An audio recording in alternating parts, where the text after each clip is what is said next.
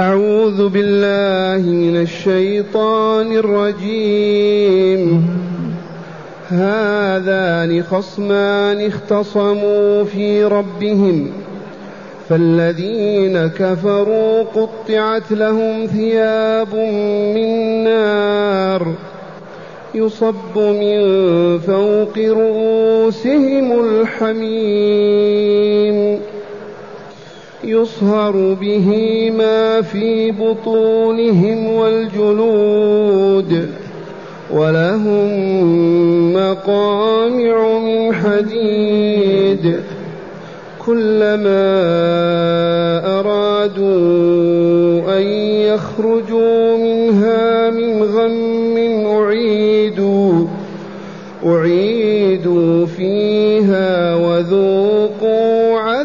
عذاب الحريق. إن الله يدخل الذين آمنوا وعملوا الصالحات جنات جنات تجري من تحتها الأنهار يحلون فيها من أساور من ذهب ولؤلؤا. ولباسهم فيها حرير وهدوا إلى الطيب من القول وهدوا إلى صراط الحميد. أحسنت. معاشر المستمعين والمستمعات من المؤمنين والمؤمنات قول ربنا سبحانه وتعالى هذان خصمان. هذان تثنيتهما هذا واحدهما هذا وهذان اثنان. خصمان كل منهما يريد أن يخصم الثاني ويغلبه. فمن هما الخصمان؟ أولهما أولا الخصام في أي شيء كان في بستان في إبل في غنم بل كان في ربه. هذا يقول ربي الله لا إله إلا هو. لا رب غيره ولا إله سواه. وهذا يقول ربي صنم أو حجر. هذا يقول ربي منزه عن كل عيب ونقص. وهذا يقول ربي له زوج وله ولد والعياذ بالله. هذا يقول ربي سميع عليم قوي متين قدير وذاك يصفه بالعجز أو الضعف. فالاختصام داعي على الله عز وجل.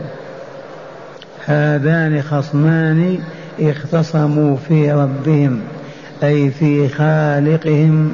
ورازقهم ومالك أمرهم. وما كان ابدا للبشر أن تختصم في ربها. ما كان ابدا يجوز الاختصام في الله. وهو وهو رب الكل وسيد الجميع. لكن الشياطين تزين الكفر وتدعو إليه. هذا الخبر عظيم. هذان خصمان اختصموا في ربهم. فالذين كفروا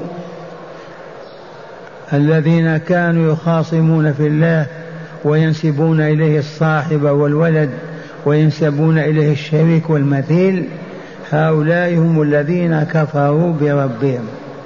هذا القسم الأول أو الخصم الأول. فالذين كفروا قطعت لهم ثياب من نار. سرابيلهم من قطران تخشى وجوههم النار. السربال الثوب الطويل. سرابيلهم من قطران والقطرة في النار تأكله.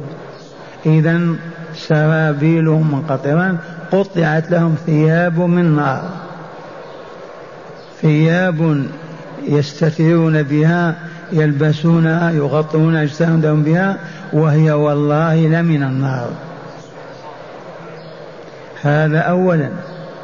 ثانيا يصب من فوق رؤوسهم الحميم الماء الحار الغالي الذي غلا وازداد فوق العادة. يضرب رأسه بمقعنى بمقنعة فينشق الراس ويصب الماء الحار حتى يصهر البطن والكل فيه. يصهر ما في بطونهم والجلود. يضرب بمقنع على رأسه فينشق ويصب الماء الحار فيسري في جسمه وبطنه فيذوبه. نعوذ بالله من هذا. يصهر به ما في بطونهم. والجلود كذلك. ولهم مقامع من حديد جمع مقمع معزبة التي يضرب بها الرأس ولكن من حديد لا من خشب ولا حطب. كلما أرادوا أن يخرجوا منها من غم وكرب وهم وحزن يحاولون الخروج يدفعون. ويعاد إلى داخل النار ويقال لهم في إهانة لهم ذوقوا عذاب الحريق. كلما أرادوا أن يخرجوا بسبب الغم والكرب والهم يأتون أبواب النار ليخرجوا تردهم الزبانية وتقول لهم مستهزئة بهم ساخرة منهم ذوقوا عذاب الحميم ذوقوا عذاب الحريق. فهل العذاب يذاق من باب السخرية بهم والاستهزاء؟ ذوقوا عذاب الحريق. مرة ثانية. الدنيا بها رجلان كافر ومؤمن. بها عبدان صالح وفاسد. بها اثنان بار وفاجر. والله يقول ومن كل شيء خلقنا زوجين. فالآن هذا الكافر المشرك الخصم الذي يخاصم في المؤمن وهذه الحقيقة ما ننساها أن كل كافر يخاصم المؤمن. كل كافر يخاصم المؤمن. والآية وإن كان لها سبب في نزولها فالعبرة العامة أو القاعدة العامة بعموم اللفظ لا بخصوص السبب. ومن السبب الذي قيل نزلت فيه في بدر غزوة بدر معركة بدر كانت فيها مبارزة أولية قبل التحام الجيش ببعضه البعض. فخرج علي وحمزة وعبيدة بن الحارث مؤمنون. وخرج لهم عتبة بن ربيعة وشيبة بن ربيعة والوليد بن, بن ربيعة. ثلاثة بثلاثة. هذان خصمان اختصموا في ربهم. فعلي وحمزة وعبيدة في الجنة وصف الله تعالى هم دار السلام وابن ربيعة في جهنم. هكذا. هذان خصمان اختصموا في ربهم. كيف اختصموا في ربهم؟ في توحيده في الإيمان به في الكفر به فيما يحب وفيما يرضى فيما شرع وفيما لم يشرع. فالذين كفروا قطعت لهم ثياب من نار يلبسونها. قطعت فصلت لهم. الآن موجودة. أو تقطع لهم يوم يكونون في جهنم. ثياب من نار يصب من فوق رؤوسهم الحميم الماء المنتهي في حرارته. يصهر به ما في بطونهم والجلود. يذوب بذلك الماء العظم واللحم والشحم وكل ما عندهم ولهم زيادة على هذا مقامع من حديد جمع مقمع آلة يضرب بها مرزبة من حديد. كلما أرادوا أن يخرجوا منها من غم لما يشد بهم الغم والكرب والهم يحاولوا أن يخرجوا. أعيدوا فيها. وتقول لهم الزبانية ساخر منهم ذوقوا لأن الذوق يكون للحلاء والعسل والطيب لا يكون للعذاب والآلام. لكن من باب الاستهزاء بهم لأنهم كانوا يستهزئون بالمؤمنين ويسخرون منهم. فهذا جزاؤهم. ذوقوا عذاب الحريق. كلما أرادوا أن يخرجوا منها من غم أعيدوا فيها وذوقوا عذاب الحريق. أي ويقال لهم ذوقوا عذاب الحريق. والحريق الاحتراق ما في عذاب أشد منه. أجسامهم محترقة تأكلها النار. هذا هو الخصم الأول والله نسأل لا نكون منه وأن لا يكون آباؤنا ولا إخواننا منه أبدا. الخصم الثاني والله نسأل نكون نحن. يقول تعالى إن الله يدخل الذين آمنوا وعملوا الصالحات. وسبحان الله ما قال تعالى والثاني أو الذين آمنوا غير الأسلوب للفرق الكبير بين ذلك وبين هذا. آمنا بالله. خبر عظيم. يقول تعالى إن الله ربنا ولينا رحيمنا. إن الله جل جلاله وعظم سلطانه الذي كفر به الكافرون وأنكر دينه المنكرون وكذب برسوله المكذبون. الله يدخل الذين آمنوا وعملوا الصالحات. اللهم اجعلنا منهم. آمنوا. مقابل كفروا وعملوا الصالحات مقابل أشركوا وفجروا وفسقوا وظلموا. وقد تقرر عندنا أن للإيمان ستة أركان. من أنكر ركن منها فهو كافر بالإجماع. هذه الأركان الستة نضيف إليها. كل ما أمر الله أن نؤمن به أو أمرنا الرسول أن نؤمن به وإن كان خارج عن هذه الستة يجب أن نقول آمنا به. فالرسول أخبر بأمور غيب عجيبة عشرات ومئات. فالإيمان ما هو محصور في هذه الستة فقط. هذه أركان وما فوق الأركان من أشياء كثيرة. آمنوا صدقوا بوجود الله ربا وإلها. لا إله غيره ولا رب سواه. ثم آمنوا بكل ما أخبرهم أن يؤمنوا به من ملائكته وكتبه ورسله والقضاء والقدر واليوم الآخر. وعملوا الصالحات جمع صالحة. والصالحات يا معشر المستمعين والمستمعات هي ما أمر الله باعتقاده أو قوله أو عمله. لن يكون العمل صالحا إلا إذا أمر الله به أو أمر به رسوله صلى الله عليه وسلم. العمل الصالح الآن نقول الصلاة عمل صالح وإلا لا؟ الصيام الزكاة الحج الرباط الجهاد بر الوالدين السلام على المسلمين الإحسان الفقراء والمساكين. كل ما أمر الله به أو رغب فيه أو وعد عليه بخير فهو عمل صالح. وضده المقابل العمل الفاسد. وهو كل ما نهى الله عنه كل ما حرمه الله كل ما توعد عليه الله كل ما شرع له حد من حدوده فهو عمل فاسد.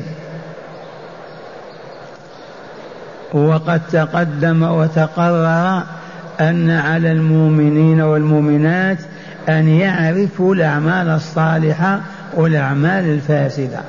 وهذا واجب كل مسلم ومسلمة. إذ طلب العلم فريضة. ثم عرفنا أن ولاية الله متوقفة على الإيمان والتقوى وأن التقوى معناها أن نخاف من الله خوفا يحملنا على أن نحب ما يحب ونكره ما يكره. ومن ثم نفعل ما يحبه الله ونترك ما يتركه ما يكرهه الله عز وجل. إذا فالبدع كلها لا تدخل في العمل الصالح. وإن ظهر للناس أنها عمل صالح فإنها والله عمل باطل. وحسبنا قول نبينا صلى الله عليه وسلم إياكم احذروا ومحدثات الأمور فإن كل محدثة بدعة وكل بدعة ضلالة.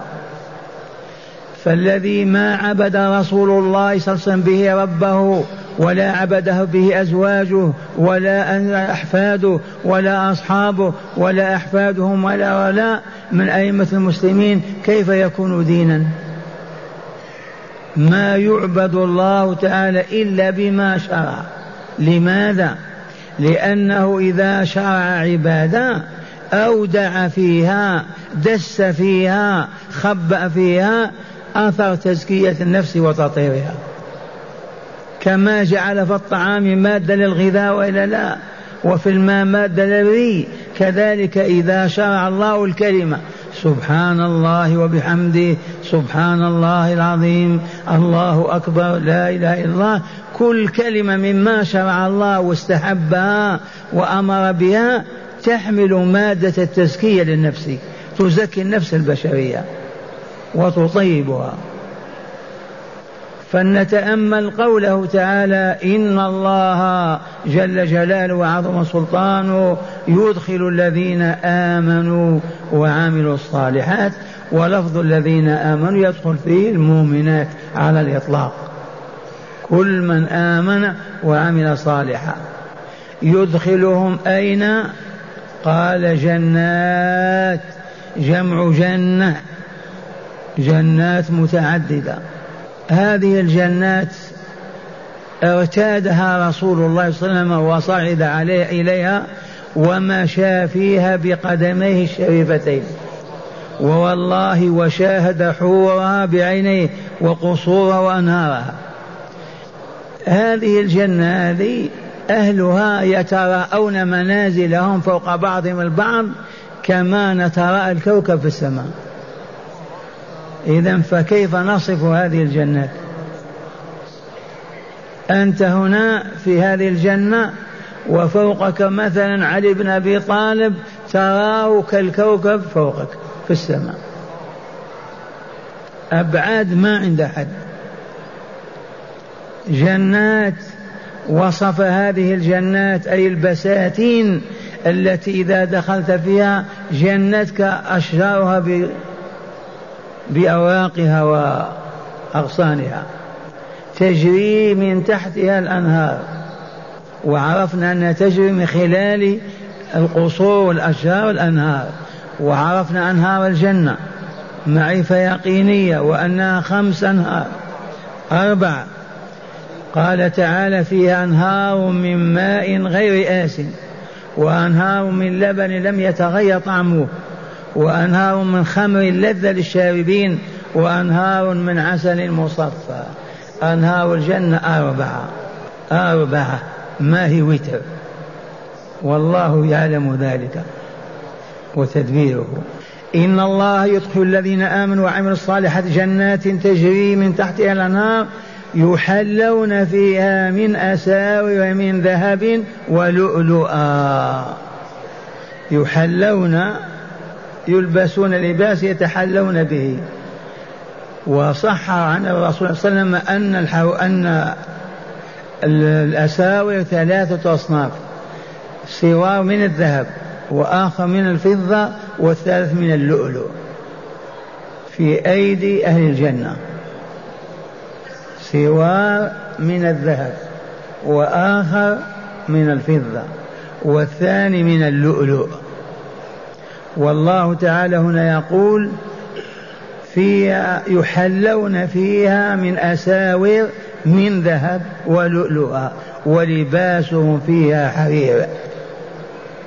اللباس فراش غطاء ثياب كله حرير. لباس ما يلبس كله حرير. وهنا ما ننسى أن من لبس الحرير في الدنيا لم يلبسه في الآخرة إلا إذا تاب قبل موته. وأن من شرب الخمر الآن في الدنيا ومات ولم يتب لم يشربها في الآخرة. بأحاديث الرسول صلى الله عليه وسلم. لطيفة نذكرها من باب التخفيف عليكم. كان شيخنا الطيب العقبي رحمة الله عليه خريج المسجد النبوي مؤسس جريدة القبلة وأم القرى يدرس التفسير فذكر في هذه الآية أن الله يحلي أولياءه بالحلي بالأسار في أيديهم. قام رجل بهلول وقال والله ما نقبل هذا. ما نحن نساء. كيف نلبس مثل ما يلبس النساء؟ ما عرف أن الطباع تتغير. ما هو أنت هنا هناك. تغيرت رأسا على عقب. وأصبح ما تحب هنا تكره هناك أو ما تكره هنا تحب هناك. والشاهد عندنا أن الفحول الرجال لهم حلي من ذهب وفضة ولؤلؤ. والله يقول ولباسهم فيها حرير. يحلون فيها أسا من أساور جمع سوار من ذهب والفضة مذكورة في الحديث النبوي الشريف. ولؤلؤا ولباس فيها حرير. وأخيرا أعظم من هذا كله وذاك في قوله تعالى وهدوا أي الذين آمنوا وعملوا الصالحات. أهل الجنة دار السلام. أهل ذلك النعيم المقيم. يخبر تعالى أنه هداهم. وهدوا إلى الطيب من القول. وهكذا. أولياء الله. أنتم أيها المؤمنون هدانا الله وإياكم إلى الطيب من القول. لا نعرف الخبيث من القول أبدا. والطيب من القول لا إله إلا الله. الله أكبر. الحمد لله. سبحان الله. هذا الطيب من القول هدانا الله إليه. ما نعرف كلمة الخبث ولا كلمة الكفر ولا الشرك أبدا ولا الباطل ولا الظلم ولا الزور ولا الاعتداء بحال من الأحوال. لأن الله هدانا لهذا في الدنيا. وهدوا من الهادي؟ الله أكبر. وأنت تشاهدهم وهدوا إلى الطيب من القول. لا إله إلا الله. محمد رسول الله صلى الله عليه وسلم. هل هناك أطيب من هذا القول؟ ثانيا وهدوا إلى صراط الحميد أي إلى الصراط المحمود صراط الله ألا وهو الإسلام. ولا تعجب نسبة المسلمين إلى الكافرين اليوم كم؟ واحد إلى ألف؟ أبدا ولا واحد إلى ألف. بلايين. الأمريكان والروس واليابان والصين والأوروبيون و و و و المؤمنون يعدون على رؤوس الأصابع. ما هداهم الله؟ ما هداهم الله؟ لماذا ما يهديهم؟ ما طلبوا الهداية. بينت غير ما مر. إذا لم تقرع الباب وتقول نجل نلج ندخل تسمحون ما يفتح لك الباب. فالذي ما يقرع باب الله ولا يطلب هدايته ولا يتوسل إليه بمحابه طالبا هدايته وحبه ما يظفر بذلك. ما يأتي إلا إلى رجل سكران وإلا خمران وإلا فاسق فاجر ويهديه لا بد وأن يرغب هو في الهداية ويطلبها. سواء بواسطة إنسان أو بدون واسطة. وهدوا إلى الطيب من القول. ومعنى هذا لا يكون كلامنا إلا طيبا. عرفتم هذه؟ ما ننطق بغير الطيب أبدا.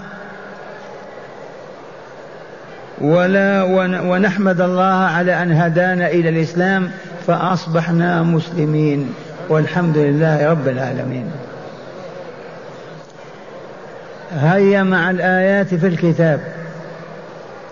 قوله تعالى هذان خصمان. الخصم الأول المسلمون والثاني أهل الشرك والكفر. لماذا قدمنا المسلم لشرفه وفضله؟ وإن كان في الآية قدم الكافر على المسلم. هذان خصمان الخصم الأول المسلمون والثاني أهل الشرك والكفر اختصموا في ربهم أي في دينه تعالى. كل خصم يدعي أنه على الدين الحق وماتوا على ذلك وفصل الله تعالى بينهم يوم القيامة. ماتوا على الخصومة المؤمن مؤمن والكافر كافر والله عز وجل يبعثهم يوم القيامة على ما كانوا عليه. فالذين كفروا وهم أهل وأهل الدين الباطل كاليهود والنصارى والبوذا والمجوس. هؤلاء ادخلوا النار ادخلوا النار وفصلت لهم ثياب من نار. ادخلوا النار وفصلت لهم ثياب من نار. يصب من فوق رؤوسهم الحميم أي الماء الحار المنتهي في الحرارة. يصهر به ما في بطونهم والجلود من لحم وشحم. ولهم مقامع من حديد يضربون بها. كلما أرادوا أن يخرجوا منها أي من النار بسبب ما يناله من من من غم عظيم أعيدوا فيها. أي تجبرهم الزبانية على العودة إليها ولم تمكنهم من الخروج منها. ويقولون لهم وذوقوا عذاب الحريق. أي لا تخرجوا منها لا أي لا تخرجوا منها ابقوا فيها وذوقوا عذاب الحريق. فهذا جزاء الخصم الكافر. هذا جزاء الخصم الكافر والعياذ بالله. وأما الخصم المؤمن اللهم اجعلنا منهم.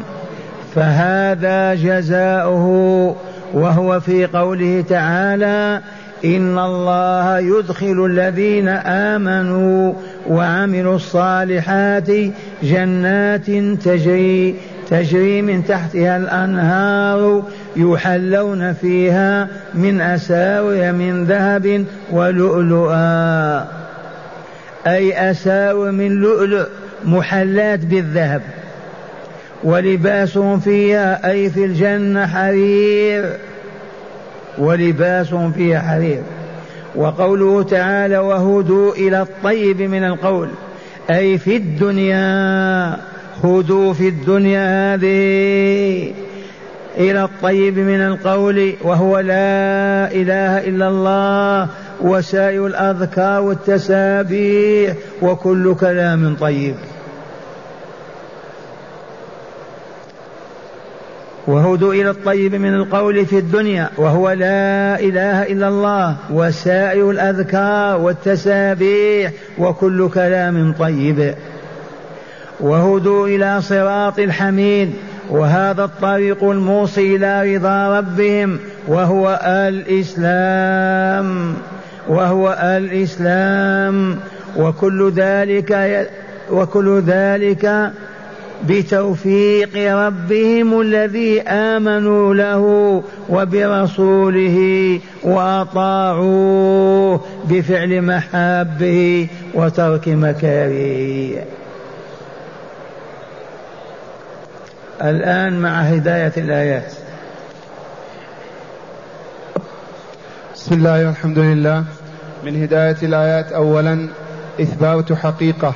وهي أن المؤمن خصم الكافر لا تستعجل قال إثبات حقيقة وهي أن المؤمن خصم الكافر والكافر خصم المؤمن. كما بينا هذه حقيقة ثابتة. المؤمن خصم الكافر والكافر خصم المؤمن ولا يتقيان أبدا إلا إذا دخل الكافر في الإسلام. نعم. قال حتى أن الآية نزلت في علي وحمزة وعبيد بن الحارث هذا الخصم المؤمن. إيه. وعتبة بن ربيعة وشيبة بن ربيعة والوليد بن عتبة وهذا الخصم الكافر, الكافر. والعبرة بعموم اللفظ لا بخصوص السبب. وقد تقاتلوا يوم بدر للمبارزة ونصر الله الخصم المؤمن على الكافر. وقد تبارزوا يوم بدر ونصر الله عليا وحمزة وعبيد على خصومهم. هزموهم وقتلوهم في بدر. ثانيا بيان جزاء كل كل من الكافرين والمؤمنين في الدار الآخرة. بيان جزاء كل من الكافرين والمؤمنين في الدار الآخرة. عرفنا جزاءهم إلا المؤمنون الجنة وما فيها من النعيم المقيم. والكافرون النار وما فيها من العذاب الأليم. ما في غير هذا. إما جنة وإما نار. إما علو وإما سفل. إما سعادة وإما شقاء. وعرفنا السبب ما هو؟ الإيمان والعمل الصالح سبب تزكية النفس. فإذا زكت النفس قبلها الله ورضيها وأسكنها جنته. وإذا خبثت بالشرك والمعاصي والفساد وتخبث وفسدت كرهها الله وأبعدها منه وأدخلها دار العذاب. ثالثا تقرير عقيدة البعث والجزاء بذكر أحوال الآخرة وما للناس فيها. تقرير عقيدة البعث والجزاء أي الإيمان بالدار الآخرة. أليس ركن من أركان الإيمان؟ والصور المكية كما علمتم كلها تعالج هذه القضية. كلها تثبت عقيدة البعث والجزاء. وعرفنا مع ذلك سر هذه الحياة وسر تلك الحياة. سر هذه الحياة ما هو؟ العمل صالحا أو فاسدا. وسر تلك الدار الجزاء خيرا أو شرا جنة أو نارا. رابعا بيان الطيب من القول, من القول وهو كلمة التوحيد وذكر الله تعالى. بيان الكلم الطيب من القول الذكر والتسبيح وأعلاه لا إله إلا الله خامسا وأخيرا بيان صراط الحميد وهو الإسلام جعلنا الله من أهله آمين آمين آمين آمين, آمين.